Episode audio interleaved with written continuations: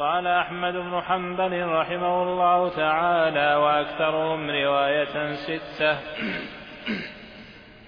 أنس وجابر وابن عباس وابن عمر وأبو هريرة وعائشة رضي الله تعالى عنهم أجمعين.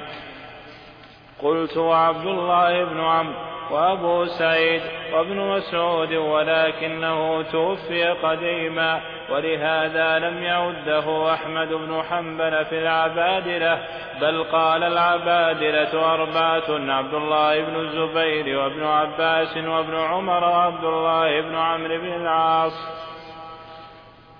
يقول رحمه الله تعالى فرع قال الشافعي روى عن رسول الله صلى الله عليه وسلم ورآه من المسلمين نحو من ستين ألفا وهذا على حد علمه وما وصله وما بلغه وإلا فهم أكثر من ذلك. الصحابة أكثر من ستين ألف.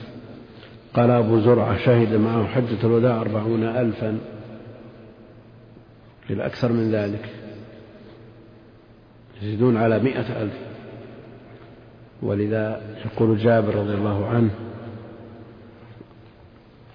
أنه ينظر مد البصر في حديث في صحيح مسلم حجة النبي عليه الصلاة والسلام بين يديه. مد البصر وعن يمينه كذلك وعن شماله كذلك. من خلفه ورائه كذلك.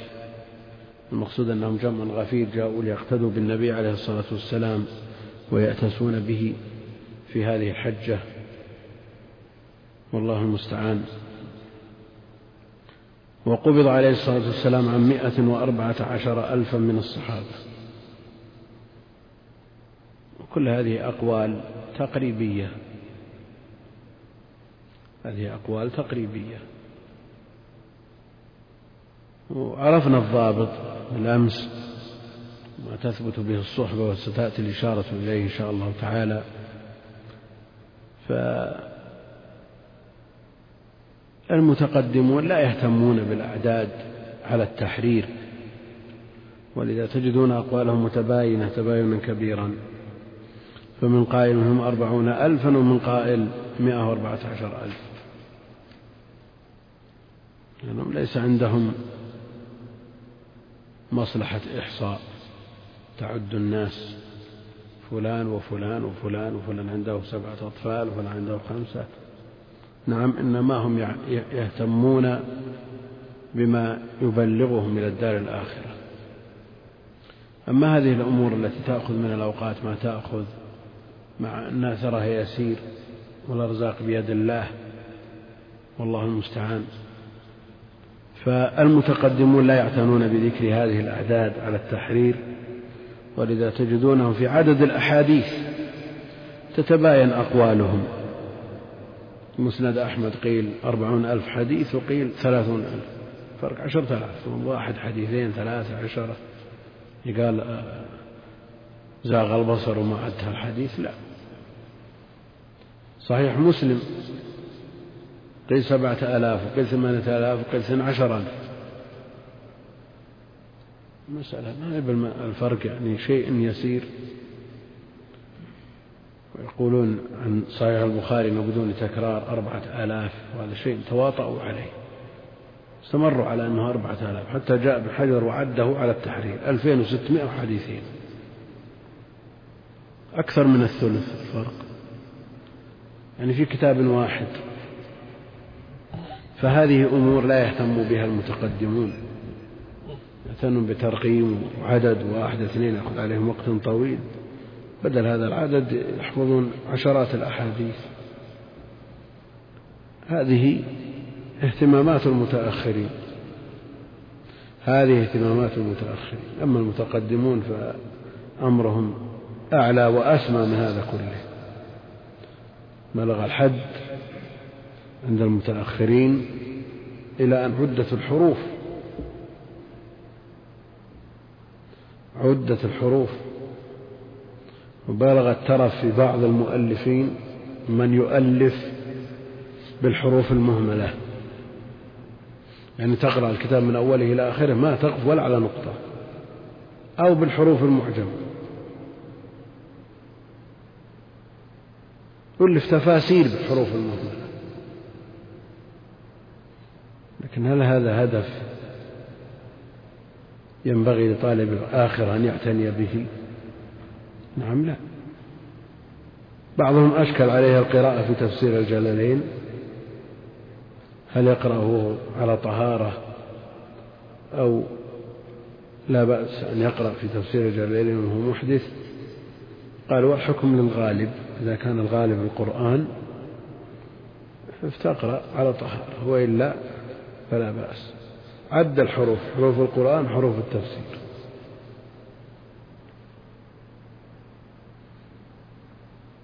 فيقول إلى سورة آخر سورة المزمل العدد واحد.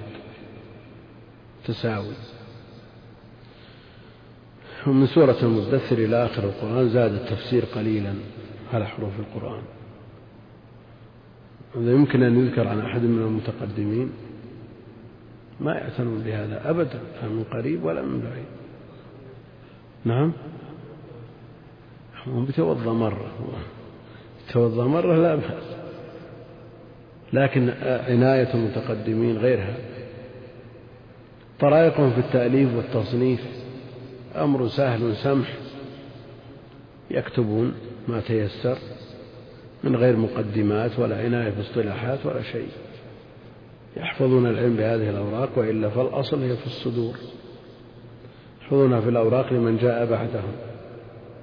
ولذا الترف عند المتأخرين في التأليف وصل إلى حد يجعل الأمور الشكلية والعناية بها أهم من المحتوى والمضمون. ولذا لا تجدون البركة في علم المتأخرين. يعني ترتيب منطقي تعريف الحد لغة واصطلاحا تصوير المسألة استدلال لها ذكر من خالف. تقدمون ما يقولون بهذا كله. أمور معروفة يحتاج إلى تعريف. نعم. الإجارة تخفى على أحد. نعم يذكرون له كم تعريف. والأمر لا يخفى على أحد. ولذلك لو تبحثون في كتب متقدمة من بيعرف الإجارة أو من يعرف البيع أو من يعرف تعريف الأمور المعروفة التي يزاولها الناس في حياتهم اليومية. هذا ما يعتني به. طالب الآخرة إلا أنه فرض نفسه يعني في, بعد ذلك. صار الذي لا يعرف نقص. وقد يحتاج إليه التعريف في العصور المتأخرة لما دخل في العلم والتعلم من ليسوا بأهل. طرأ على الأفهام ما طرأ والمناطق يقولون الحكم على الشيء فرع عن التصور لا بد من تتصور فتعرف أولا ثم تحكم. على كل حال هذا استطراد سببه هذا العدد الذي ذكر من أربعين ألف إلى مئة وأربعة عشر ألف. وأكثرهم رواية هم متفاوتون في الملازمة وفي الحفظ في الرواية في الضبط والاهتمام. كل له اهتمامه منهم من يهتم بالجهاد ومنهم من يهتم بالإنفاق والصدقة ومنهم من يهتم بالعبادات الخاصة ومنهم من يهتم لحفظ العلم. ولذا أكثرهم رواية ستة أنس بن مالك وجابر بن عبد الله وابن عباس عبد الله عبد الله بن عمر وأبو هريرة وعائشة. هؤلاء هم المكثرون الصحابة, الصحابة. وأعداد ما رووه لا على طريق التحرير وإنما من يحيط بالروايات كلها. جعلوا مسند بقي بن مخلد اللي هو أوسع الأسانيد. جعلوا مقياس. فذكروا عدوا ما في ما فيه من رواية أبي هريرة خمسة آلاف وثلاثمائة وأربعة وسبعين. قريب من هذا فهو أكثر الصحابة وحافظهم على الإطلاق.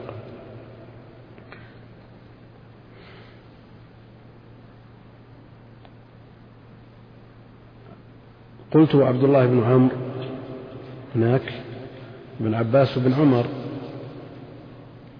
نعم. زاد الحافظ بن كثير رحمه الله. قلت وعبد الله بن عمرو وأبو سعيد وابن مسعود. هؤلاء أيضا من المكثرين. يقول ولكنه توفي قديما يعني ابن مسعود.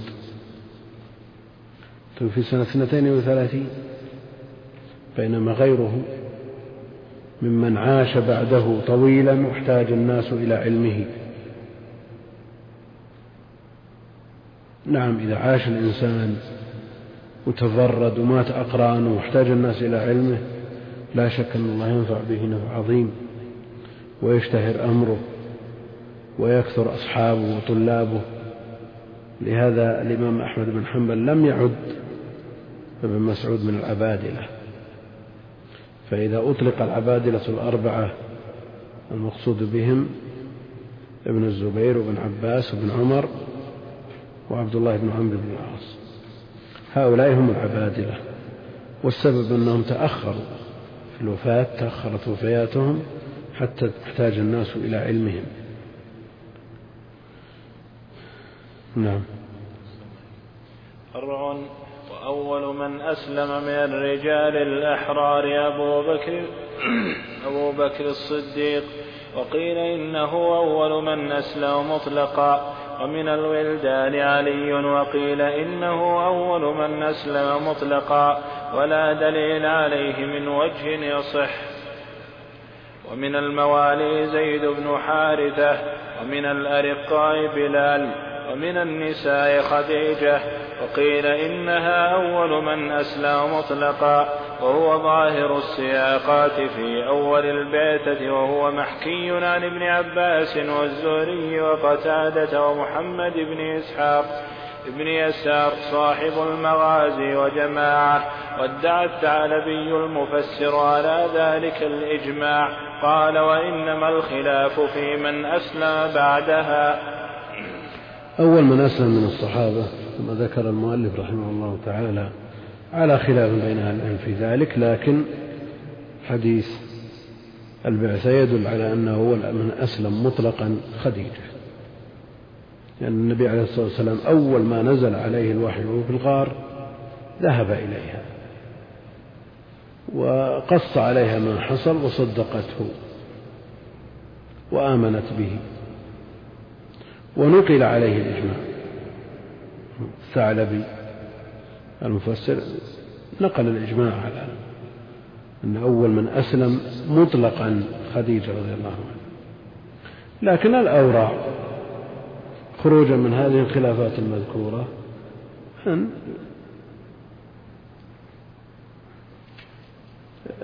تختلف الجهة. فيكون بعدة اعتبارات. فيقال أول من أسلم من الرجال أبو بكر هذا لا خلاف. فإذا اختلف أهل العلم في أول من أسلم خديجة أو علي أو أبو بكر هل يقال لمن قال إن أول من أسلم من الرجال أبو بكر يقال له أخطأت؟ لا. وإذا قال أول من أسلم من الصبيان علي يقال له أخطأت؟ لا يمكن أن يقال له أخطأت. لا يمكن أن يورد عليها أبو بكر أو خديجة.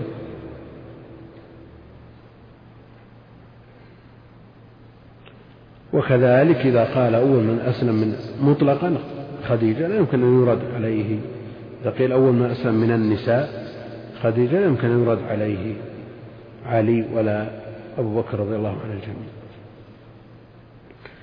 وهذا هو الأورع الورع يقتضي هذا. ومن الموالي زيد بن حارثة ومن الأرقاء بلال إلى آخر ما ذكر رحمه الله تعالى. وهذا هو المناسب. نعم.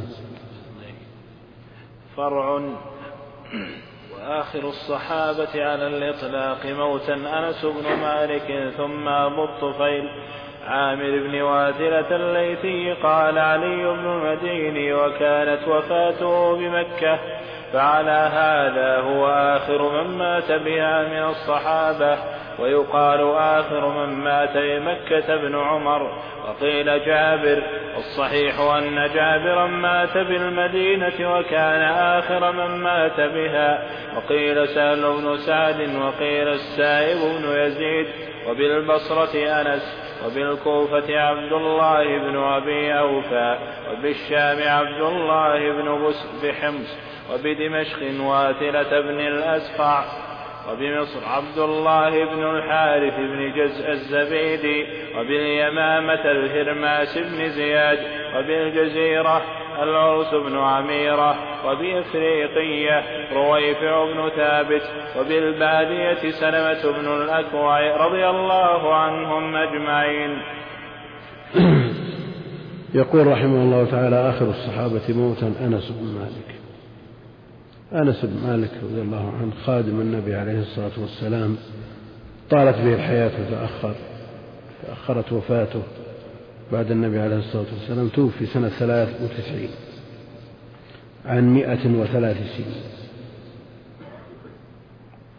دعا له النبي عليه الصلاة والسلام وأجيبت الدعوة وكثر ماله وولده وطال عمره لكنه ليس بآخر الصحابة موتا على الإطلاق.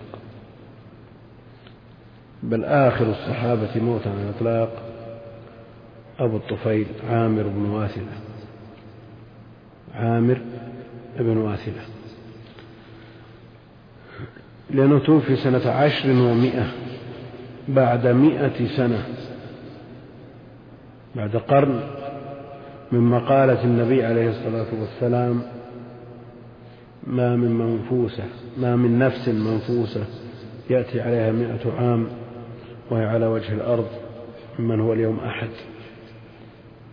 وتحقق هذا في أبي الطفيل عامر بن واثلة حيث توفي على القول المرجح عند الذهبي وغيره سنة عشر ومئة فهو آخر الصحابة موتا نعم من الصحابة من تأخر بعد النبي عليه الصلاة والسلام خمسين سنة منهم من تأخر ستين سبعين. تأخر أنس أكثر من ثمانين سنة. أكثر من إيش؟ كم؟ ثلاثة وتسعين. ثلاثة وتسعين توفي. النبي عليه الصلاة والسلام توفي سنة أحد عشر. اثنين وثمانين سنة. وإذا أضفنا العشر التي قبل الهجرة من عمر لما جيء لما جيء به إلى النبي عليه الصلاة والسلام كان عمره عشر سنين. إذا أضفناها إلى الثلاث والتسعين صار عمره مئة وثلاث سنين. تجدون في بعض الكتب في سبل السنة في أكثر طبعات وقال مئة وثلاث وستين. وهو خطأ صوابه مئة وثلاث سنين. ما هي ستين يقول فعلى هذا هو آخر من مات بها. يعني أبا الطفيل قيل آخر من مات بمكة بن عمر وقيل جابر والصحيح أن جابرا مات بالمدينة وكان آخر من مات بها. وقيل سهل بن سعد كل هؤلاء تأخرت وفياتهم. لكن مثل ما ذكرنا لو يحدد البلد صار الأمر أيسر مات لما آخر من مات من الصحابة من مكة آخر من مات بالمدينة إلى آخره. يصير أضبط شوي نعم. فرع وتعرف صحبة الصحابة تارة بالتواتر وتارة بأخبار مستفيضة. وتارة بشهادة غيره من الصحابة له وتارة بروايته عن النبي صلى الله عليه وسلم سماعا أو مشاهدة مع المعاصرة. فأما إذا قال المعاصر العدل أنا صحابي فقد قال ابن الحاجب في مختصره احتمل الخلاف يعني لأنه يخبر عن حكم شرعي كما لو قال في الناسخ هذا ناسخ لهذا لاحتمال خطئه في ذلك. أما لو قال سمعت رسول الله صلى الله عليه وسلم قال كذا أو رأيته فعل كذا أو كنا عند رسول الله صلى الله عليه وسلم ونحو هذا فهذا مقبول لا محالة إذا صح السند إليه وهو ممن عاصره عليه الصلاة والسلام نعم. ختم الإمام الحافظ بن كثير رحمه الله تعالى هذا الفصل وهذا النوع بما تعرف به الصحبة. تعرف صحبة الصحابة تارة بالتواتر. تواتر المفيد للعلم القطعي الضروري الذي يجد الإنسان نفسه مضطرا إلى تصديقه. لا شك أن من الصحابة من لا يخفى أمره على أحد. إذا مر عليك ذكر عمر أو عثمان أو أبو هريرة أو أنس هل أحتاج أن تراجع كتب الصحابة لتنظر هل هو موجود أو لا؟ نعم لا يمكن. ثبتت صحبة مثل هؤلاء ومثلهم كثير جدا بالتواتر. وثبتت صحبة بعضهم بالأخبار المستفيضة المشتهرة التي جاءت من طرق مما يدل على صحبتهم.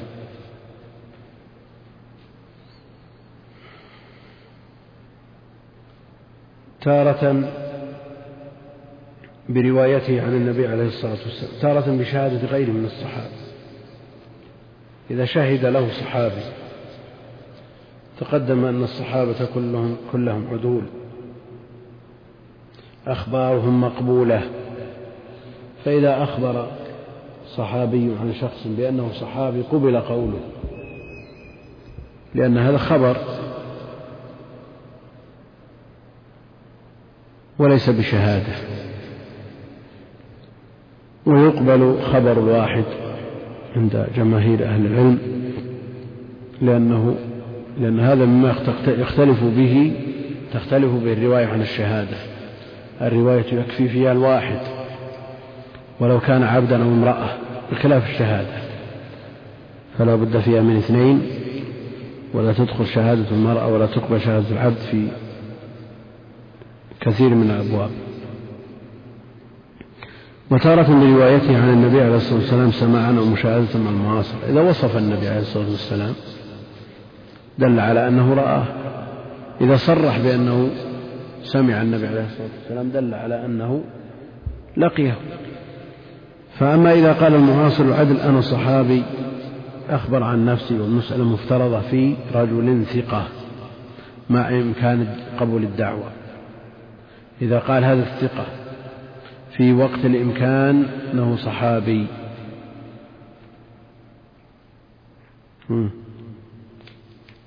فهذا يخبر عن حكم شرعي كأنه ينقل خبر. كأنه ينقل خبرا.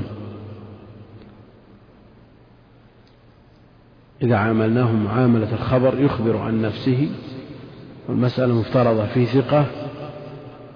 قلنا يقبل قوله وهذا قول الأكثر. وإذا قلنا إنه يشهد لنفسه بهذه المنزلة فالشهادة لا بد فيها. من اثنين نقول هذه دعوة لا بد أن يشهد له غيره. قال ابن الحاج في مختصر احتمل الخلاف يعني لأنه يخبر عن حكم شرعي كما لو قال في الناسخ هذا ناسخ لهذا الاحتمال خطئه في ذلك. إذا قال الصحابي هذا ناسخ هذه الآية ناسخة لتلك وهذا الخبر ناسخ لذلك الخبر يمكن يدخله الاجتهاد.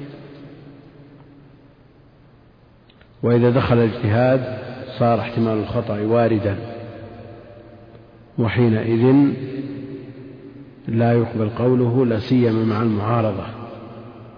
أما لو قال سمعت رسول الله صلى الله عليه وسلم قال كذا أو رأيته فعل كذا أو كنا عند رسول الله صلى الله عليه وسلم ونحو هذا فهو مقبول لا محالة. إذا صح السند إليه وهو عاصره عليه الصلاة والسلام. وعرفنا أنه لا بد من أن يكون الوقت ممكن. أما إذا ادعى الصحبة وهو مولود بعد سنة 110 أو بعد أو ممن وفاته بعد 110 أو هو موجود بعد سنة 110 الأمر غير ممكن. فإذا قال شخص سنة 150 هو صحابي ادعى الصحابة يقول كذبت. لأن النبي عليه الصلاة والسلام أخبر بالحديث الصحيح أنه لا يبقى بعده بعد مئة سنة أحد منه على وجه الأرض. فكيف يصدق من ادعى ذلك بعد الستمائة؟ نعم هذا أشرنا إليه سابقا. رتنا الهندي بعد الستمائة. قال هو صحابي. صدقه جماهير جمع غفير من الناس من أوباش الناس. والمساكين صدقوه. لكن هذا لا شك أنها دعوة باطلة إن لم تكن هلوسة بعد ستمائة يقول صحابي. نعم. فترجم له في الميزان وغيره من كتب الضعفاء وبينوا كذبه وافتراءه. نعم. نعم بالنسبة لمن قال أنا صحابي وكان عدله ثقة ما يفرق بين أنه ينقل كلام يريد أن يؤخذ منه الكلام وبين من يثبت لنفسه الصحبة إيه لكن وش يستفيد من إثبات الصحبة إلى نفسه؟ إذا كان ما ثبت المسألة المفترضة في ثقة استصحب هذا. نعم. نعم. شخص ثقة. نعم. وادعى أنه صحابي وش اللي يعني هذا خبر. يقبل خبر. لماذا؟ لأنه لا يترتب عليه فائدة مادية. قال أن صحابي لأجل أن ينقل عن النبي صلى الله عليه وسلم من فعله أو قوله أو حدث وش يستفيد هو؟ يثبت بدل ما يذكر أنه روى عن صحابي إذا كان تابعي بدل ما يذكر أنه روى عن صحابي يذكر أنه رأى وعاصر شاهد. أنت إذا افترضت المسألة في ثقة أنتهت كل الاحتمالات. لأن الثقة ما يمكن أن يدعي وهو كاذب. انتفت الثقة ما صار ثقة.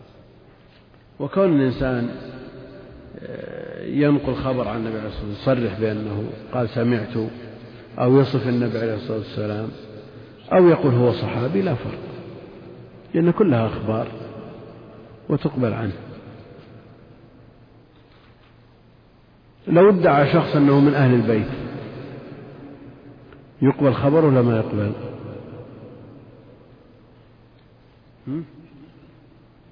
كيف؟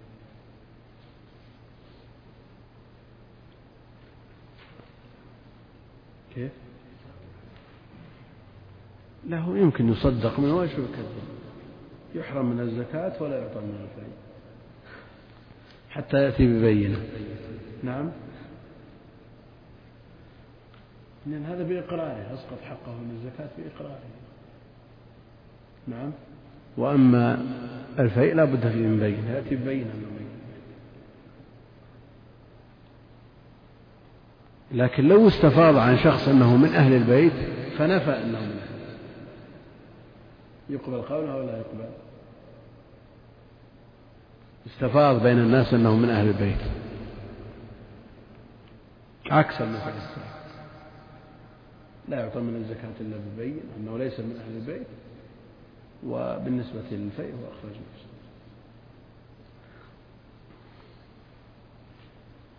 نعم.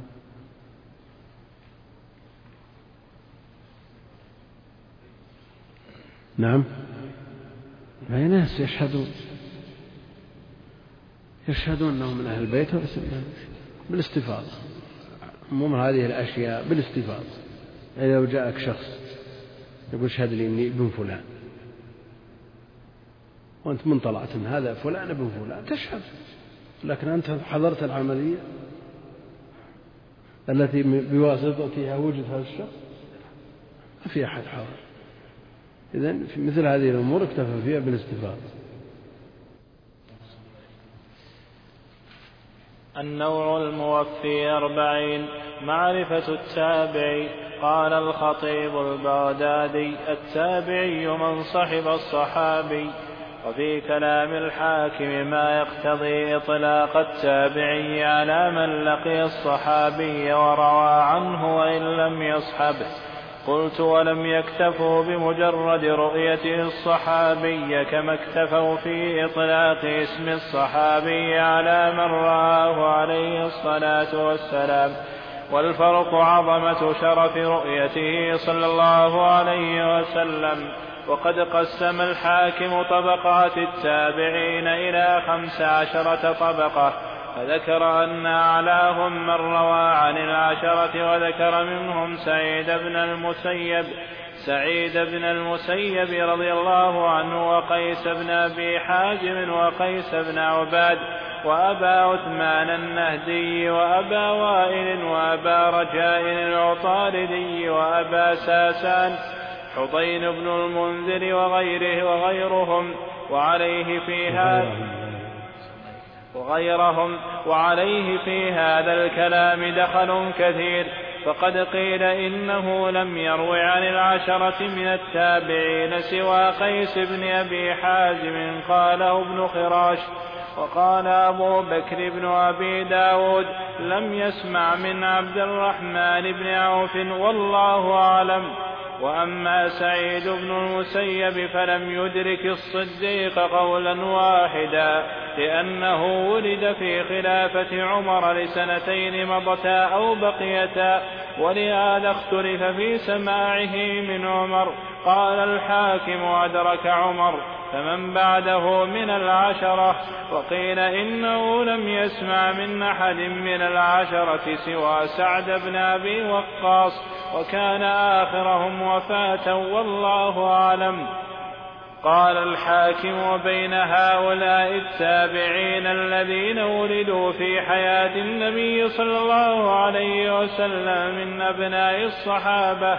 كعبد الله بن أبي طلحة وأبي أمامة أسعد بن سهل بن حنيف وأبي إدريس الخولاني قلت وأما عبد الله بن أبي طلحة فلما ولد ذهب به أخوه لأمي أنس بن مالك إلى رسول الله صلى الله عليه وسلم فحنكه وبرك عليه وسماه عبد الله ومثل هذا ينبغي أن يعد من صغار الصحابة لمجرد الرؤية ولقد عدوا فيهم محمد بن أبي بكر الصديق. وإنما ولد عند الشجرة وقت الإحرام بحجة الوداع فلم يدرك من حياته صلى الله عليه وسلم. إلا نحوا من مائة يوم ولم يذكر أنه أحضر عند النبي ولم يذكروا لم يذكر أو لم يذكر. لم يذكر. لا بأس كل واحد. ولم يذكر أنه أحضر عند النبي صلى الله عليه وسلم ولا رآه. فعبد الله بن أبي طلحة أولى أن يعد في صغار الصحابة من محمد بن أبي بكر والله أعلم. وقد ذكر الحاكم النعمان وسويدا ابني مقر ابن ابني مقرن في التابعين وهما صحابيان. وأما المخضرمون وهم الذين أسلموا في حياة رسول الله صلى الله عليه وسلم ولم يروه والخضرمة القطع فكأنهم قطعوا عن نظائره عن نظرائهم من الصحابة. وقد عد مسلم نحوا من عشرين نفسا منهم أبو عمرو الشيباني وسويد بن غفلة. وعمرو بن ميمون وأبو عثمان النهدي وأبو الحلال العتكي وعبد وعبد خير بن يزيد. حلال ضد الحرام. نعم بالحلال. وأبو الحلال العتكي وعبد خير بن يزيد الخيواني وربيعة بن زرارة وقال ابن الصلاح وممن لم يذكره مسلم أبو مسلم الخولاني وعبد الله بن ثوب. ثوب ثوب عبد الله بن ثوب. قلت وعبد الله بن عكيم والأحنف بن قيس وقد اختلفوا في أفضل التابعين من هو فالمشهور أنه سعيد بن المسيب.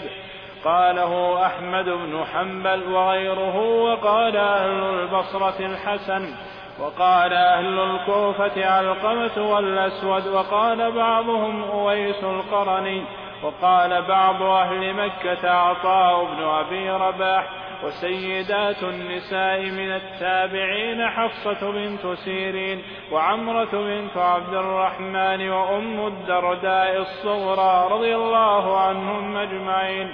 ومن سادات التابعين الفقهاء السبعة بالحجاز وهم سعيد بن المسيب والقاسم بن محمد. وخارجة بن زيد وعروة بن الزبير وسليمان بن يسار وعبيد الله بن عبد الله بن عتبة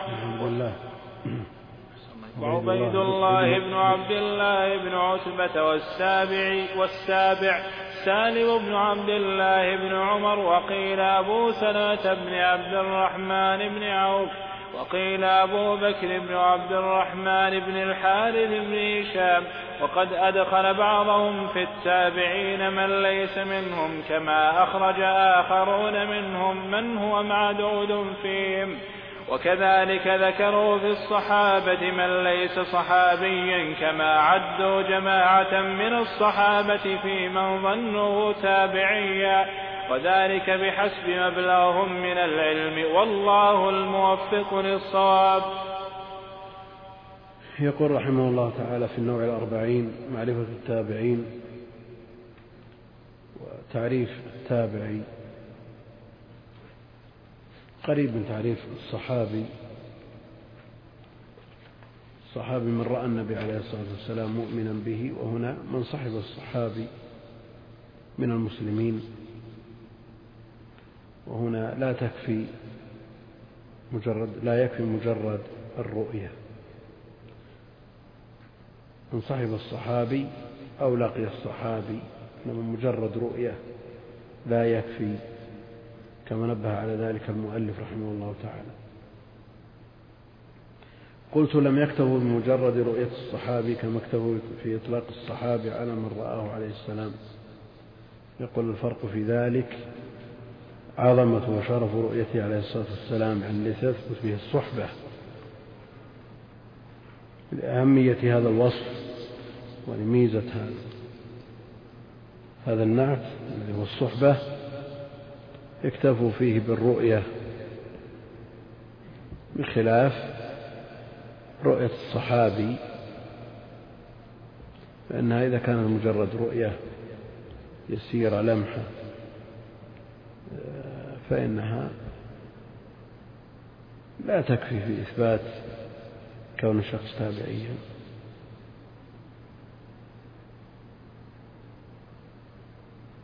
على أن هذا لا أثر له في الواقع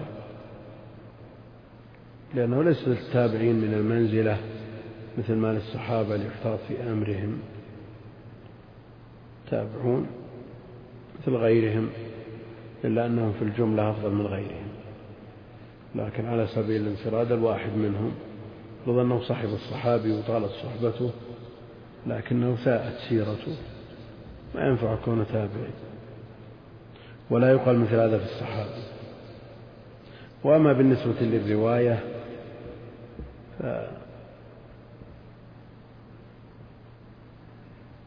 مجرد كونه تابعي تثبت روايته عن الصحابة. ما يلزم. ما يلزم. نعم إن لم يوصف بالتدليس وقال عن فلان محمول على الاتصال لكن قد يعرف بالتدليس وقد رأى جمعا غفيرا من الصحابة ولا يحمل على الاتصال كمن عرف من المدلسين من التابعين كالحسن وغيره. الحاكم قسم التابعين إلى خمس عشرة طبقة كما أنه قسم الصحابة إلى اثنتي عشرة طبقة وهذا تقسيم لم يسبق إليه وعليه فيه مؤاخذات واستدراكات في معرفة علوم الحديث فذكر أن أعلاهم الطبقة العليا من التابعين من روى العش من روى عن العشرة مع أن فيه مناقشات ومؤاخذات على كلامه هذا وأوهام. وذكر منهم سعيد بن المسيب أو المسيب المشهور الفتح المسيب وقد ذكر عنه أنه دعا على من قال المسيب لكن هو المشهور. وقيس بن أبي حازم وقيس بن عباد وأبا عثمان النهدي عبد الرحمن بن مل أو مل نعم وأبا وائل شقيق. بن سلمة وأبا رجاء العطاردي وأبا ساسان حضين بن المنذر يقول عليه في هذا الكلام دخل كثير لا شك أنه عليه استدراكات فقد قيل إنه لم يروي عن عشر متابعين سوى واحد قيس بن أبي حازم. قاله ابن خراش وقال أبو بكر بن أبي داود لم يسمع من عبد الرحمن بن عوف يعني حتى هذا الواحد لم يسلم. وأما سعيد بن مسيب فلم يدرك الصديق قطعا بلا شك. لأنه إنما ولد في خلافة عمر رضي الله عنه. السلام. في سنتين بقيتا أو مضتا من خلافة عمر وهو لم يدرك الخلاف في سماعه من عمر أيضا. قال الحاكم أدرك عمر فمن بعده من العشرة. إذا كان الحاكم يقول أدرك عمر فمن بعده؟ فكيف يذكره؟ ممن روى عن العشرة نعم. كان من باب التغليب ممكن لكن هذا توسع. لأن يعني مثل هذا الكلام يترتب عليه حكم. أنك إذا رأيت روايته عن أبي بكر وقد ذكر في من روى عن العشرة نعم ما تدقق في الاتصال والانقطاع. المقصود أن الحاكم هو الذي قال هذا ونقض كلامه رحمه الله. وقيل إنه لم يسمع من أحد من العشر سوى سعد بن أبي وقاص وكان آخرهم وفاة رضي الله عنه وأرضاه. قال الحاكم وبين هؤلاء التابعين الذين ولدوا في حياة النبي عليه الصلاة والسلام من أبناء الصحابة كعبد الله بن أبي طلحة. يعني جعله في التابعين. مع أنه جيء به إلى النبي عليه الصلاة والسلام حنكه. وأبي أمامة أسعد بن سالم بن حنيف وأبي إدريس الخولاني. أبو إدريس الخولاني ما رأى النبي عليه الصلاة والسلام لكنه مخضرم. أدرك زمن النبي عليه الصلاة والسلام لكنه ما رآه قلت أما عبد الله بن أبي طلحة فلما ولد ذهب به أخوه لأم أنس بن مالك إلى رسول الله صلى الله عليه وسلم فحنكه وبرك عليه. دعا له بالبركة سماه عبد الله ومثل هذا ينبغي أن يعد من صغر الصحابة. هو أولى بالذكر من محمد بن أبي بكر الذي ولد في المحرم. في حجة الوداع في آخر سنة عشر. قبل وفاة النبي عليه الصلاة والسلام بثلاثة أشهر. مع مع أنه عده بعضهم في الصحابة. وينبغي أن لا يعد لأنه لم يذكر أنه رأى النبي عليه الصلاة والسلام ولا رآه النبي عليه الصلاة والسلام. نعم قرب أبي بكر من النبي عليه الصلاة والسلام. يجعل هناك غلبة ظن أن الرسول عليه الصلاة والسلام رآه لكن سيرته ليست حميدة كما هو معروف. سيرة محمد بن بكر ليست حميدة. هو شارك مع من شارك إما بالمباشرة أو السبب في مقتل عثمان رضي الله عنه. على كل حال هو غير محمود السيرة فلا ينبغي أن يعد في الصحابة. لكنه صلى الله عليه وسلم قتل شر قتله. من يذكر كيفية قتله؟ نعم.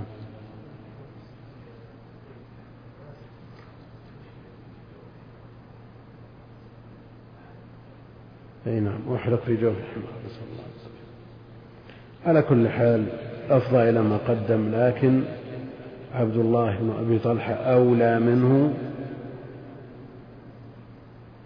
في الصحبة.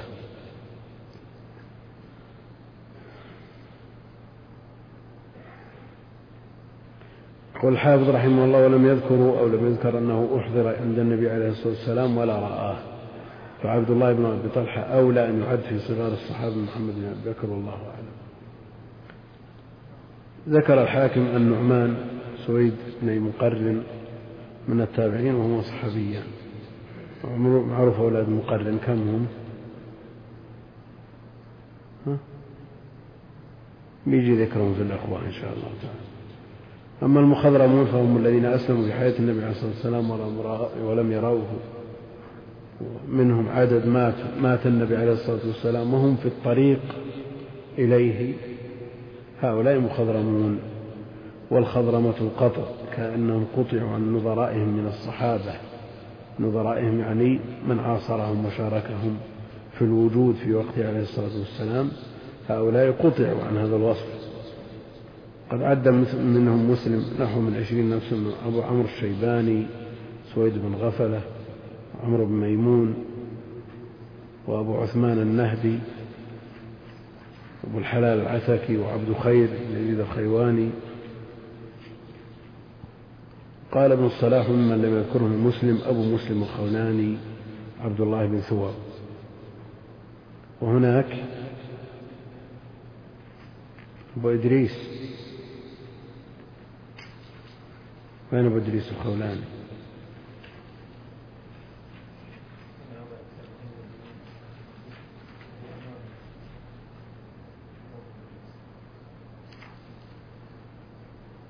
نعم.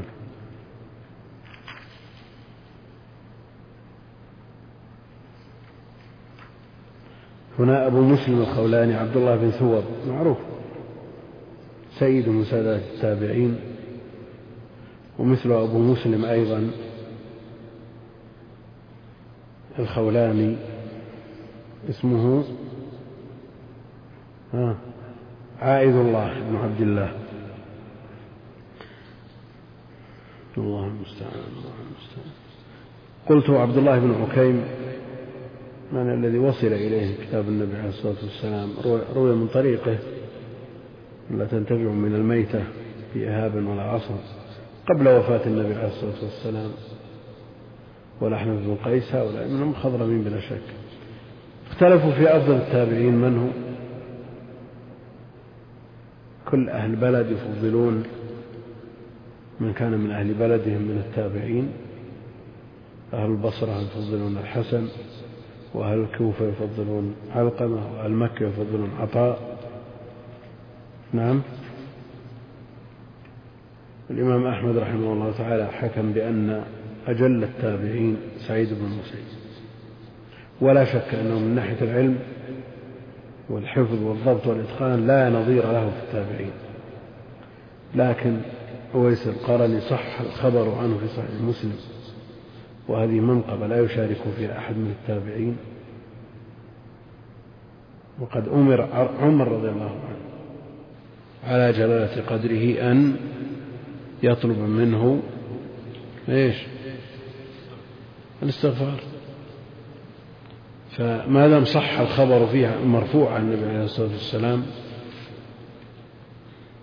فالقول المرجح أنه أفضل التابعين على الإطلاق. سيدات النساء من التابعين حفصة بنت سيرين وعمرة بنت عبد الرحمن وأم الدرداء الصغرى معروف زوجة أبي الدرداء هجيمة. أما أم الدرداء الكبرى فهي صحابية رضي الله عن الجميع والسيادة هنا بالنسب ها؟ حفصة بنت سيرين. سيرين مولى من سبع عين التمر. نعم. ابن سيد محمد من سادات التابعين وبنت حفصة سيدة من سادات التابعين. لكنه الدين. من عمل به ساد. ومن تركه وتنكب عنه ضاع. ولو كان من أشراف الناس. ولو كان من علية القوم لسفوا البضاعة الدين وتضييعه. والله المستعان. من سادات التابعين الفقهاء السبعة بالحجاز ومن سعيد بن المسيب والقاسم محمد إلى آخره. ومات جلهم في سنة الفقهاء سنة أربع وتسعين.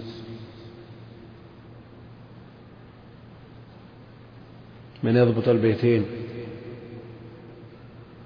اللي فيهم ذكر الفقهاء السبعة. فخذهم هذا الثاني البيت الثاني. فخذهم عبيد الله عروة قاسم سعيد أبو بكر سليمان خارجة. البيت الأول ما تحفظوه؟ أو هذا المقصود؟ ها؟ يقول وقد عد علي بن المديني في التابعين من ليس منهم. عد بعضهم كما بعض النسخ. من ليس منهم كما أخرج آخرون منهم من هو معدود فيهم هذه لا شك أنها أمور اجتهادية. كذا ذكروا في الصحابة من ليس صحابيا والقسم الرابع من الإصابة في كل حرف من ذكر في الصحابة وفي الحقيقة ليس منه كما عدوا جماعة من الصحابة في من ظنوه تابعيا يعني لقربه من عصر الصحابة كبر سنه. كونه مخضرم فغلب على الظن أنه صحابي وفي الحقيقة ليس بالصحابي وذلك بحسب ما بلغهم من العلم والله المستعان اللهم صل وسلم وبارك على عبدك ورسولك محمد غدا متى تبغون الدرس؟ ها؟ شو؟ لا اليوم ما في الحمد لله رب العالمين وصلى الله وسلم وبارك على نبينا محمد وعلى آله وصحبه أجمعين. أما بعد قال الإمام الحافظ ابن كثير رحمه الله تعالى ولشيخنا والسامعين النوع الحادي والأربعون في معرفة رواية الأكابر عن الأصاغر قد يروي الكبير القدر أو السن أو هما عمن هو دونه في كل منهما أو فيهما. ومن أجل ما يذكر في هذا الباب ما ذكره رسول الله صلى الله عليه وسلم في خطبته عن تميم الداري رضي الله عنه ما أخبره به عن رؤية الدجال عن رؤية الدجال في تلك الجزيرة التي في البحر والحديث في الصحيح وكذلك في صحيح البخاري رواية معاوية بن أبي سفيان بن رواية معاوية بن أبي سفيان عن عن مالك بن يخامر عن معاذ وهو بالشام في حديث لا في حديث لا تزال وهم وهم بالشام في حديث لا تزال طائفة من أمتي ظاهرين على الحق حتى الحديث قال ابن الصلاح وقد روى العبادلة عن كعب الأحبار. قلت وقد حكى عنه عمر وعلي وأبو هريرة وجماعة من الصحابة. وقد روى الزهري ويحيى بن سعيد الأنصاري عن مالك وهما من شيوخه وكذا روى عن عمرو بن شعيب جماعة من التابعين. قيل إنهم نيف وعشرون ويقال بضع وسبعون فالله أعلم. ولو سردنا جميع ما وقع من ذلك لطال الفصل جدا. قال ابن الصلاح وفي التنبيه على ذلك من الفائدة معرفة قدر الراوي على المروي عنه وقد قال وقد صح عن عائشة رضي الله تعالى أنها قالت أمرنا رسول الله صلى الله عليه وسلم أن ننزل الناس منازلهم. الحمد لله رب العالمين وصلى الله وسلم وبارك على عبده ورسوله نبينا محمد وعلى آله وصحبه أجمعين. يقول المؤلف رحمه الله تعالى في النوع الحادي والأربعين معرفة رواية الأكابر عن الأصاغر. لماذا لم يسبق هذا النوع بنوع رواية الأصاغر عن الأكابر؟ نعم هي الجادة هي الجادة نعم. قد يروي الكبير سواء كان في قدره أو في سنه عمن ودونه سنا وقدرا.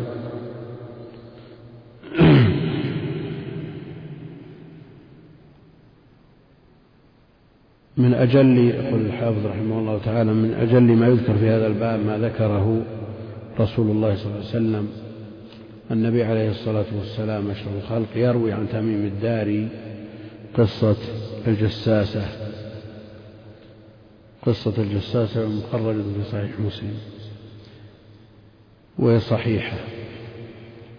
وإن قال بعضهم حكم عليها بعضهم بالشذوذ والنكارة لكن لا وجه للحكم. لأنها مخرجة في الصحيح النبي عليه الصلاة والسلام يروي عن تميم وهو أجل قدرا منه بلا إشكال.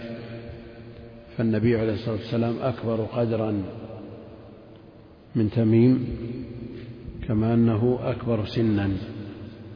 فهذا من أشرف ما يذكر وأجل ما يذكر في هذا الباب. ولا شك أن مثل هذا مزيد فضل لتميم الداري الذي روى عنه النبي عليه الصلاة والسلام. ولذا من فائدة هذا الباب الذي هو على خلاف الأصل. الأصل أن يروي الصغير عن الكبير. فإذا روى الكبير عن الصغير دل على أن لهذا الصغير مزية بحيث يتحمل عنه العلم وهو صغير من قبل من هو أكبر منه. ومن الأمثلة الظاهرة أيضا وهي موجودة رواية الصحابي عن التابعي والصحابي أجل قدرا. رواية التابعي الكبير عن التابعي الذي دونه في السن وهذا كثير. فصالح بن كيسان روايته عن ابن شهاب كثيرة جدا وهو أكبر منه بكثير. لكنه العلم ليست فيه محاباة. من حمله بحقه وعمل به ساد غيره وساد قومه وغيرهم. فينبغي أن يحمل عن أهل العلم العاملين به وإن كانوا صغارا في السن. وقد مثل بين يدي الإمام مالك ولما يتجاوز العشرين من عمره أئمة كبار. يقول وكذلك في صحيح البخاري رواية معاذ بن أبي سفيان وهو صحابي كما هو معروف عن مالك بن يخامر وهو تابعي عن معاذ صحابي عن تابعي عن صحابي. وهم بالشام حديث لا تزال في حديث لا تزال طائفة من أمتي ظاهرين على الحق وقد روى العبادلة عن كعب الأحبار وتقدم ذكرهم. ابن الزبير بن عمر بن عمرو ابن عباس عبادلة الأربعة بن الزبير بن عمر عبد الله بن عمرو بن العاص وعبد الله بن عباس وليس ابن مسعود منهم.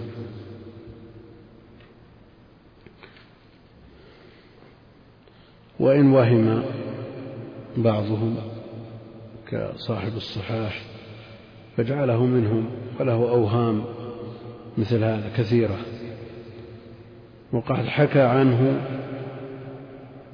يعني عن كعب الأحبار عمر على جلالة قدره في تقدم سنه وكعب تابعي حكما كما حكى عنه علي أبو هريرة وجمع من الصحابة يحكون عنه ما في كتب أهل الكتاب لأنهم من أحبار بني إسرائيل فلما أسلم حمل عنه الناس.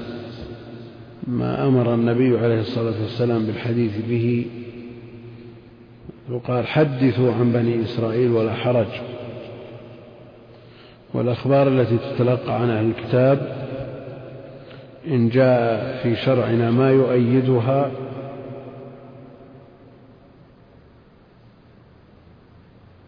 فهي تروى كما تروى أخبار العالم وعبر الأمم الماضية ولا يعتمد عليها لأن في شرعنا ما يغني عنها لكن في أخبارهم الأعاجيب كما جاء في رواية البزار. أما إذا جاء في شرعنا ما يخالف وينقض هذه الأخبار وإن كانت في شرعهم فإنها لا يعتمد عليها ولا يعول عليها. ولا تتداول إلا ببيان أنها منقوضة في شرعنا. والنوع الثالث وهو الذي لا مؤيد له ولا معارض من شرعنا هذا الذي تجوز روايته. حدثوا عن بني إسرائيل ولا حرج. وقد روى الزهري ويحيى بن سعيد الأنصاري عن مالك وهما من شيوخه. عرفنا أن صالح بن كيسان روى عن الزهري وهو من طبقة شيوخ أكبر منه سنا وإن تأخر في طلب العلم فطبقته من معدود في من حيث الطبقة من تلاميذ الزهري ومن حيث السن من شيوخه. لأن صالح بن كيسان طلب العلم وهو كبير. طلب العلم وهو كبير. رجح بعضهم أن عمره تسعين سنة حينما بدأ طلب العلم وأقل ما قيل خمسين. وحمل عن الزهري العلم الجم وروى عن غيره حتى عد من كبار الآخذين عن الزهري. على هذا لا ييأس الإنسان يقول أنا كبرت وتقدمت بي السن وضعفت القوة لا. مقصود أن تموت وأنت طالب علم. اختم لك بخير. وأن تقصد مجالس الذكر ومجالس العلم تدخل في حديث أبي الدرداء من سلك طريقا يلتمس به علما سهل الله له به طريقا إلى الجنة يقول وكذا روى عن عمرو بن شعيب جماعة من الصحابة والتابعين قيل نيف وعشرون جماعة إيش؟ كذا روى اي الصحابة ما هم معقول؟ ليس بمعقول. أنت عندكم؟ إيه. لا غلط غلط غلط غلط.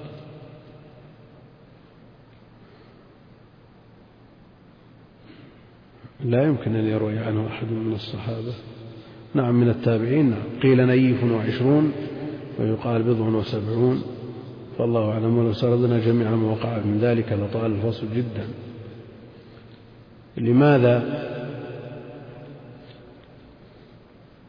يطول الفصل في سرد رواية الأكابر عن الأصاغر؟ لأن الهدف عند المتقدمين تحصيل العلم.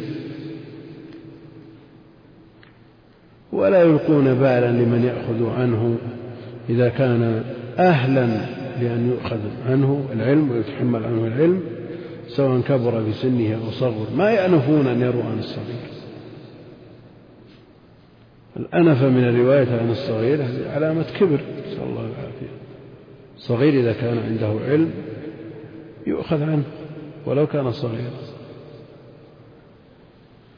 لا ينبل الرجل حتى يأخذ العلم عمن هو مثله. وفوقه أو دونه. لا يمنع. لا يقول هذا من صغير سن أولادي أو طلابي لا. كفء وأهل لأن يؤخذ عنه العلم ويتحمل عنه العلم وعنده ما ليس عند غيره. هذا يتحمل عنه العلم. مهما كان سن. قال ابن الصلاح في التنبيه على ذلك من الفائدة معرفة قدر الراوي من المروي لا شك. بهذا تبين أقدار الرجال سواء كان الراوي والمروي عنه. فالراوي في تقدمه في العلم والثاني المروي عنه في تقدمه في العلم وأنه أهل لأن يأخذ عنه من هو أكبر منه والراوي الذي روى عنه في حرصه على تحصيل العلم وتواضعه في أخذ العلم عمن عن أهله ولو كانوا صغارا. قال وقد صح عن عائشة رضي الله عنها أنها قالت أمرنا رسول الله صلى الله عليه وسلم أن ننزل الناس ما نزل في مقدمة الصحيح صحيح مسلم. معلق. عن عائشة أمرنا أن ننزل الناس منازلهم في السنن. عنه عليه الصلاة والسلام من حديث عائشة أنزلوا الناس منازلهم. نعم. نعم. حديث صحيح نعم. أي يدخل أكابر كبير القدر جمعه أكابر. فيدخل في رواية الأكابر الوصلات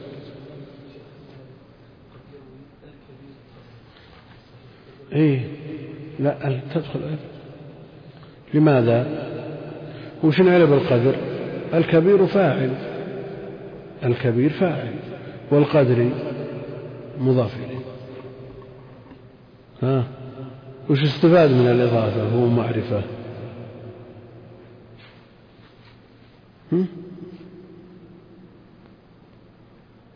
والمقيم الصلاة. بأل التعريف. ووصل أل بذا المضاف مغتفر. إن وصلت بالثاني كالجعد الشعر. أو بالذي له أضيف الثاني كزيد الضارب رأس الجاني. صح ولا ما يصح؟ إيه. نعم اقرأ.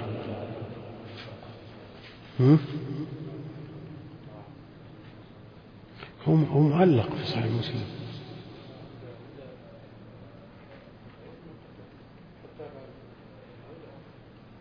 وين.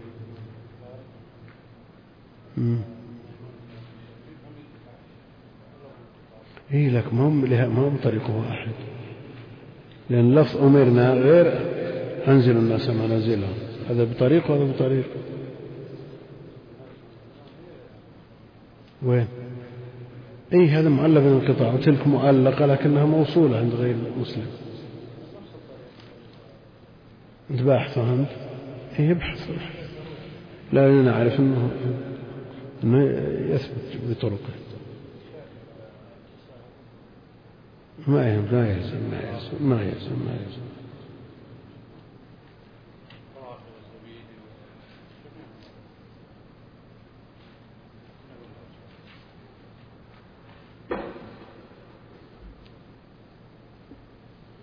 نعم النوع الثاني نعم. والأربعون نعم نعم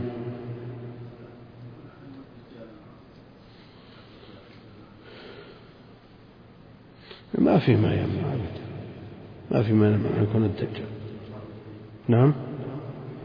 يبقى وش اللي يمنع. ولا ولا وكونه في جزائر البحر. يعني يخرجه من كونه ما من نفس منفوسة. على وجه الأرض يعني. نعم. النوع الثاني والأربعون معرفة المدبج وهي وهو رواية الأقران سندا وهو رواية الأقران سنا وسندا. واكتفى الحاكم بالمقاربة بالسند وإن تفاوت وإن تفاوتت الأسناد. فمتى روى كل منهما عن الآخر سمي مدبجا كأبي هريرة وعائشة والزهري وعمر بن عبد العزيز ومالك والأوزاعي وأحمد بن حنبل وعلي بن المديني فلم فلم فما لم يروي كل عن الآخر لا يسمى مدبجا والله أعلم. نعم. مدبج. أولا عندنا رواية الأقران. رواية الأقران يروي الشخص عن زميله. هذه رواية الأقران. صحابي عن صحابي. تابعي كبير عن تابعين كبير. تابعي صغير عن تابعي صغير وهكذا. هذه رواية الأقران فإن روى الثاني عن الأول أيضا سمي مدبجا. إذا روى زيد عن عمرو وهما متقاربان في السن الطبقة والإسناد والأخذ. سمي رواية الأقران فإن روى عمرو عن زيد سمي مدبجا. نعم. النوع الثالث والأربعون. معرفة الإخوة والأخوات من الرواة وقد صنف في ذلك جماعة منهم علي بن المديني وأبو عبد الرحمن النسائي. فمن أمثلة الأخوين عبد الله بن مسعود وأخوه عتبة.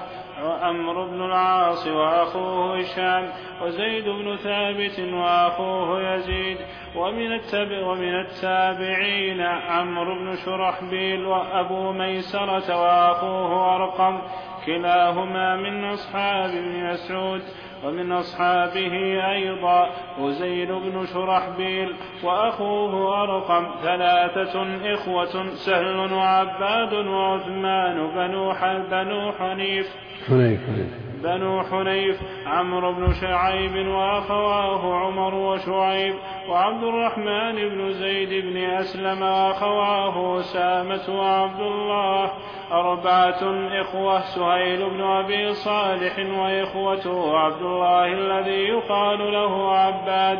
ومحمد وصالح خمسة إخوة سفيان بن عيينة وإخوته الأربعة إبراهيم وآدم وعمران ومحمد. قال الحاكم سمعت الحافظ أبا علي الحسين بن علي يعني النيسابوري يقول كلهم حدثوا ستة إخوة وهم محمد سيرين وإخوته أنس ومعبد ويحيى وحفصة وكريمة كذا ذكرهم النسائي ويحيى بن معين أيضا.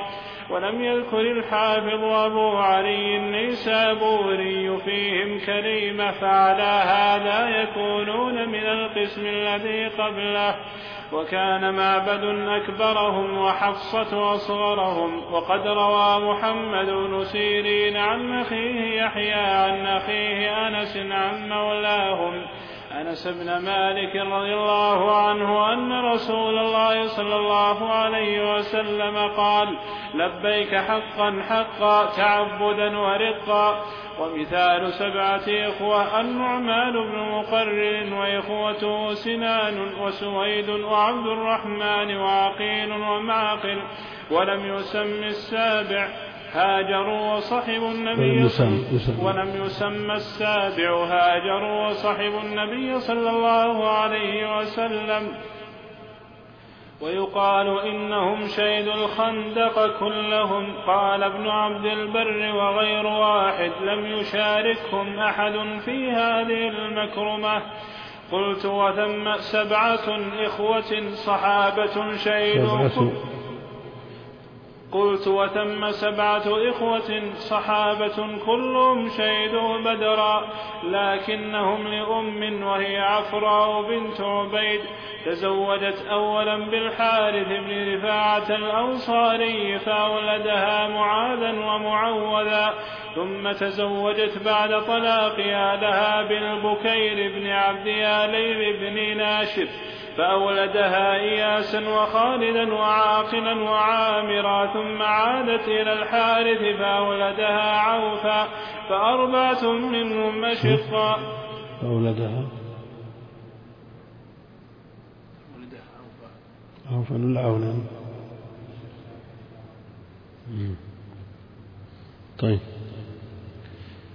فأربعة منهم أشقاء وهم بنو البكير وثلاثة أشقاء وهم بنو الحارث والسبعة هم شهدوا بدرا مع رسول الله صلى الله عليه وسلم ومعاذ ومعوذ ابن عفراء هما اللذان أثبتا أبا جهل عمرو بن هشام المخزومي عمرو بن عمرو بن عمرو بن هشام المخزومي ثم احتز رأسه وهو طريح عبد الله بن مسعود الهذلي رضي الله تعالى عنهم أجمعين. هذا النوع في معرفة الأخوة والأخوات من الرواة. صنفت فيه المصنفات لعلي بن المديني وأبي عبد الرحمن النسائي وأيضا أبو داود له كتاب. نعم. أبو داود له كتاب مطبوع. من أمثلة الأخوين عبد الله بن مسعود وأخوه عتبة بن مسعود بن غافل الهذلي عمرو بن العاص وأخوه هشام بن العاص بن وائل زيد بن ثابت وأخوه يزيد. من التابعين عمرو بن شرحبيل أبو ميسر وأخوه أرقم. لماذا لا يعد هزيل بن شرحبيل ثالث أخوهما؟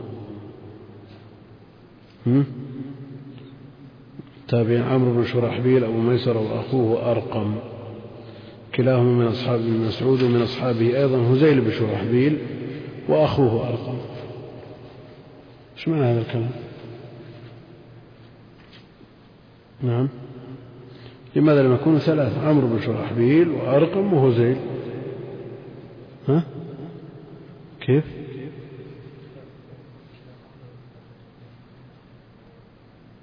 المهم انهم أخوة. ها؟ لماذا؟ نعم. كيف؟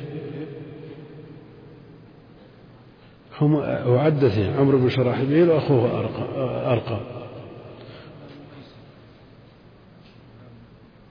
إيه أبو ميسر وأخوه أرقم. الثالث هزيل الآن ما نتفق على أنهم ثلاثة أرقم كرر مرتين. في عمر وفي هزيل لماذا لم يكونوا من النوع الذي يليه؟ ثلاثة إخوة.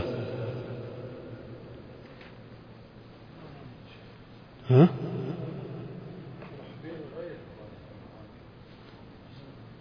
لا لا كلهم شرحبيل كلهم عيال شرحبيل لا يكتب ما بحاشية إلا إذا عجزنا عن الإخوان.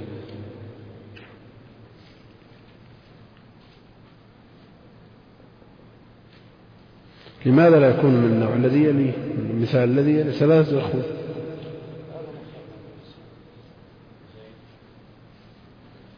ما يلزم لو اختلف قل هو ثالث لم يسم يكون ثالث. ها؟ ها عبد الله. إيش عندك؟ كلام صاحب الحاشية. وش يقول؟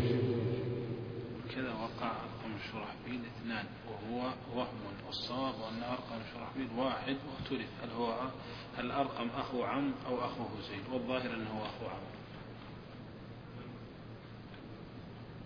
كلام المنقل في المقنع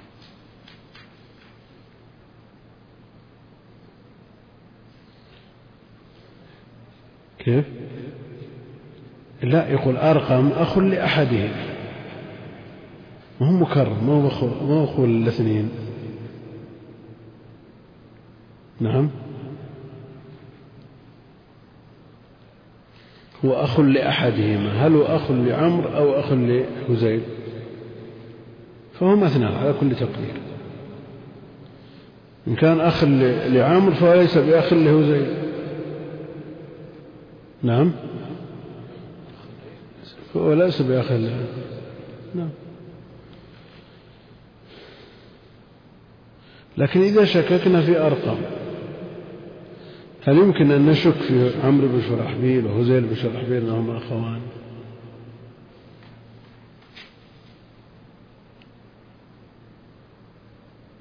نشك كل ما نشك؟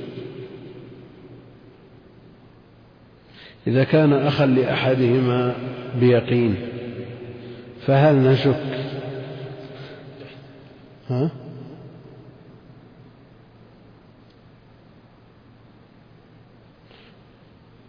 ها؟ إذا قلنا أرقم واحد وهو أخ لأحدهما بيقين والثاني مشكوك فيه. إذا الأول مع الثالث مشكوك فيه في أخوته له. إذا شككنا في أخوة أرقم لعمر أو لهزيل شككنا في أخوة هزيل لعمر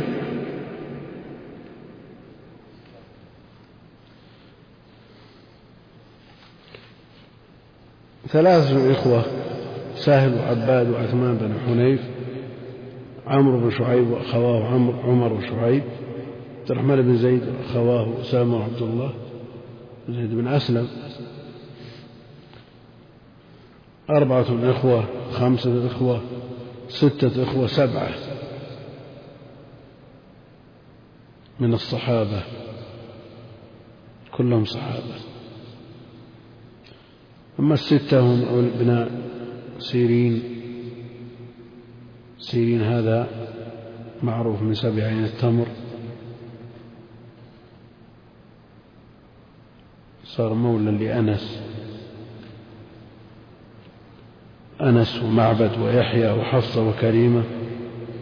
أربعة إخوة وأختان.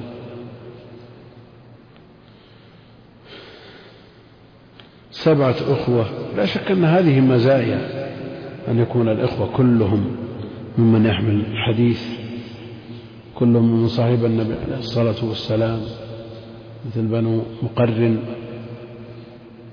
يندر أن توجد أن يوجد مثل هذا عدد. ممن يحمل العلم.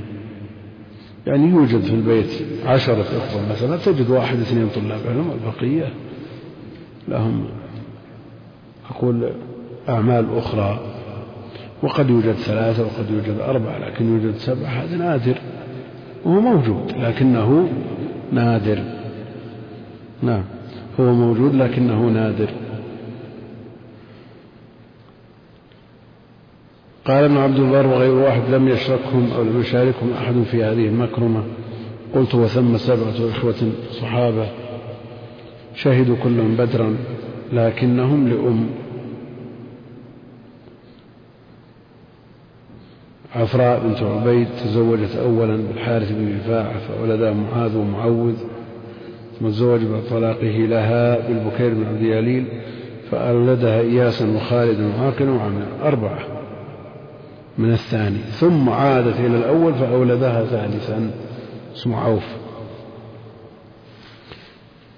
فأربعة منهم أشقاء أولاد البكير وثلاثة أشقاء معاذ ومعوذ وعوف بنو الحارث.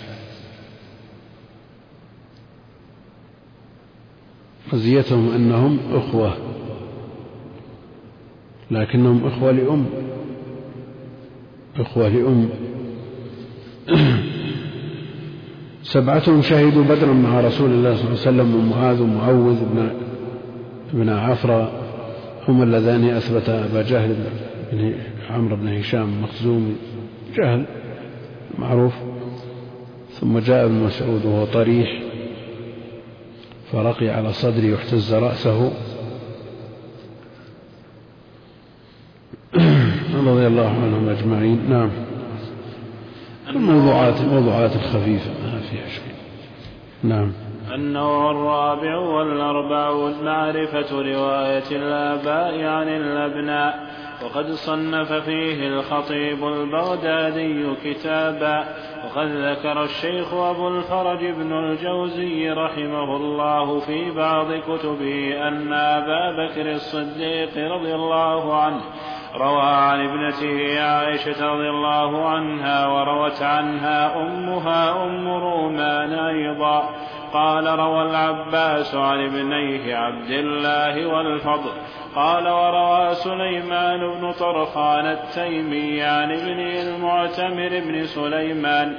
وروى أبو داود عن ابنه أبي بكر بن أبي داود. وقال الشيخ أبو عمرو بن الصلاح.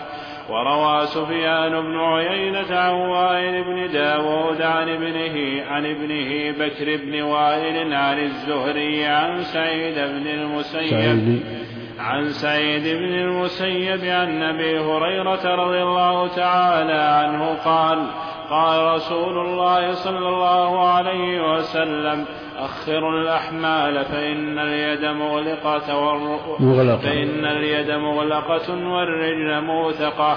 قال الخطيب لا يعل لا يعرفها لا يعرف إلا من هذا الوجه. قال وروى أبو عمر حفص بن عمر الدر قال وروى أبو عمر حفص بن عمر الدوري. الدوري الدوري. الدوري المقرئ عن ابنه أبي جعفر محمد ستة عشر حديثا أو نحوها وذلك أكثر ما وقع من رواية أب عن ابنه. ثم روى الشيخ أبو عمرو عن أبي المظفر عبد الرحيم بن الحافظ أبي سعد عن أبيه عن ابن أبي المظفر بسنده عن أبي أمامة مرفوعا.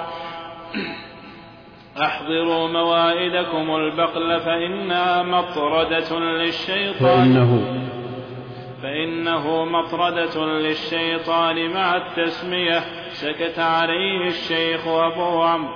وقد ذكره أبو الفرج بن الجوزي في الموضوعات وأخلق به أن يكون كذلك. ثم قال ابن الصلاح وأما الحديث الذي رويناه عن أبي بكر الصديق عن عائشة رضي عن عائشة رضي الله تعالى عنهما عن رسول الله صلى الله عليه وسلم أنه قال في الحبة السوداء شفاء من كل داء فهو غلط.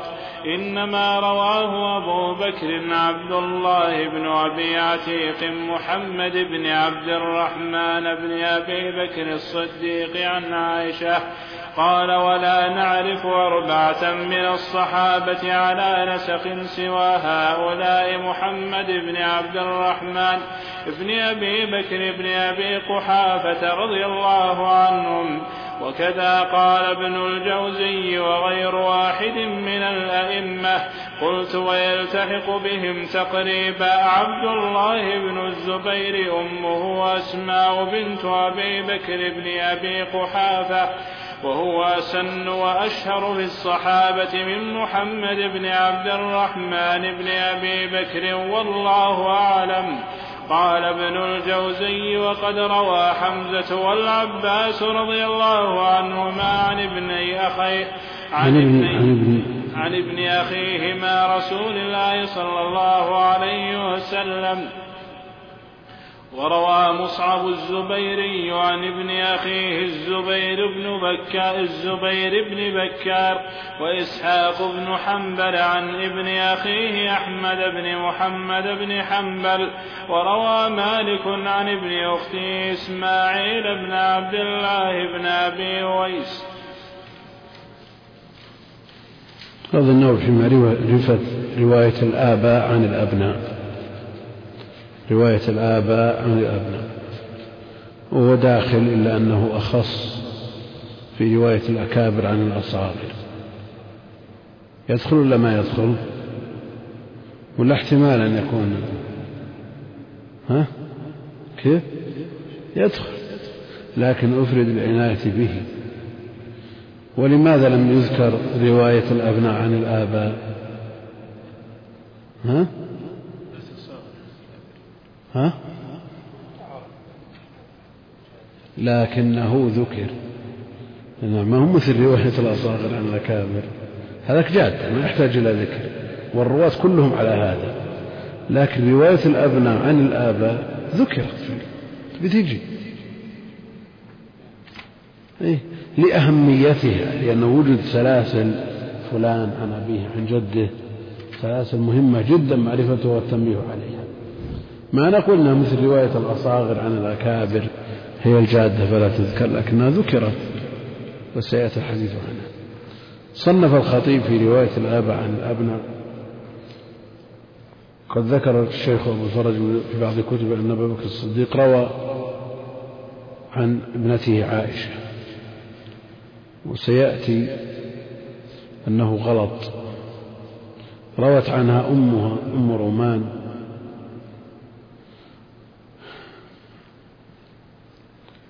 قال روى العباس عن ابنيه عبد الله والفضل وروى سليمان بن طرخان التيمي عن ابنه المعتمر بن سليمان روى أبو داود سليمان بن أشعث صاحب السنن عن ابنه أبي بكر بن أبي داود قال الشيخ أبو عمرو بن الصلاح وروى سفيان بن عيينة عن وائل بن داود عن ابنه بكر بن وائل عن الزهري عن سعيد بن المسيب عن أبي هريرة قال قال الرسول صلى الله عليه وسلم اخروا الأحمال.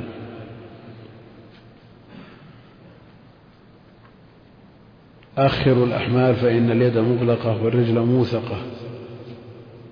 كأنه رأى بعيرا عليه حمل ثقيل وقد قدم هذا الحمل فصار على اليدين. والحمل إذا كان على اليدين فقط أو الرجلين فقط فإنه يشق على الدابة. فإذا أخر قليلا ووسط ساعدت اليدان الرجلين والعكس فلا يشق حينئذ على الدابة. وعلى كل حال الحديث مخرج في المراسيل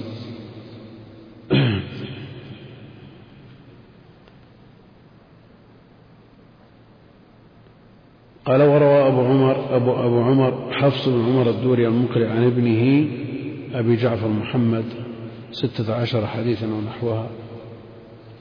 وذلك أكثر ما وقع من رواية أب عن ابنه. لكن رواية الابناء على الآباء صحائف على ما سيأتي. فيها أحاديث. ثم روى الشيخ أبو عمرو بن المظفر عبد الرحيم بن الحافظ أبي سعد عن أبيه عن ابنه أبي المظفر مظفر السمعاني كما هو معروف. بسند عن أبي امامه مرفوعا أحضر موائدكم البقل فإنها مطردة الشيطان مع التسميه يقول سكت عليه الشيخ أبو عمرو. ولا ينبغي له أن يسكت لأن هذا الحديث موضوع. يذكرون الأمثلة تحقق فيه انطبق فيه المثال لكن ما وراء هذا المثال كون الخبر موضوع لا ينبغي أن يعتنى به إنما يذكر للتنبيه عليه يذكر للتنبيه عليه ولا بد من التنبيه على ذكر الخبر الموضوع ومثله الضعيف. وقد كانوا في السابق يذكرون الإسناد ويبرؤون من العهدة لكن في عصور متأخرة لا يكفي ذكر الإسناد. بل لا بد من التنصيص على وضعه. ولو قيل إنه لا يكفي أن يقال موضوع بل لا بد أن تفسر كلمة موضوع ان كثير من الناس ما يفهمون معنى الموضوع. قال مكذوب على النبي عليه الصلاة والسلام. زور وبهتان لم يقله النبي عليه الصلاة والسلام. وذكرنا مرارا حافظ العراقي سئل عن حديث فقال لا أصل له باطل مكذوب. مر له شخص من العجم ينتسب إلى العلم فقال له يا شيخ كيف تقول موضوع مكذوب. كيف تقول مكذوب؟ وهو مروي بالسند إلى النبي عليه الصلاة والسلام. فأحضره من كتاب الموضوعات ابن الجوزي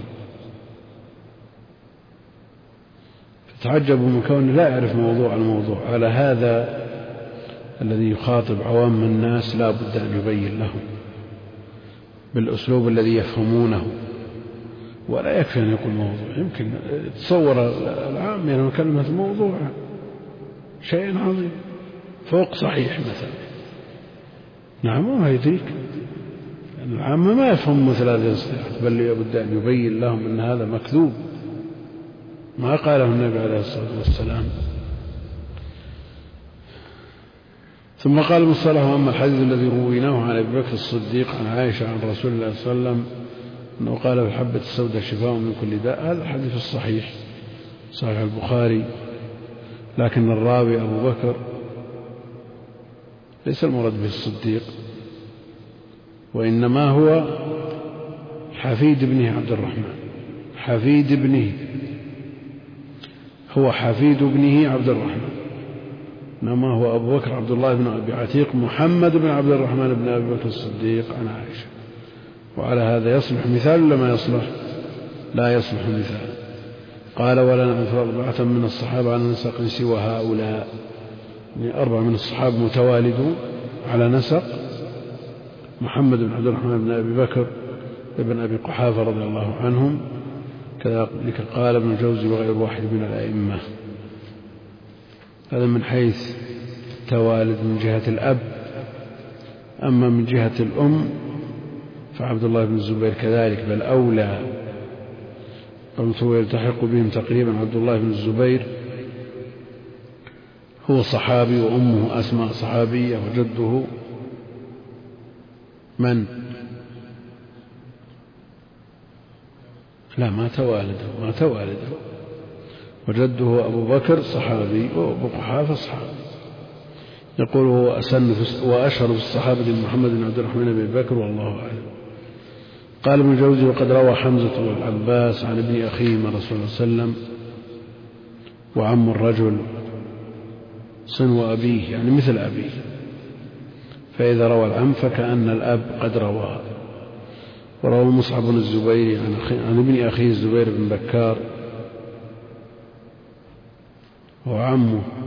الراوي عم المروي عنه إسحاق بن حنبل عن ابن أخيه الإمام أحمد بن حنبل وعمه. روى مالك عن ابن أخته إسماعيل عبد الله بن أبي ويس. ويكون خاله الإمام مالك والجادة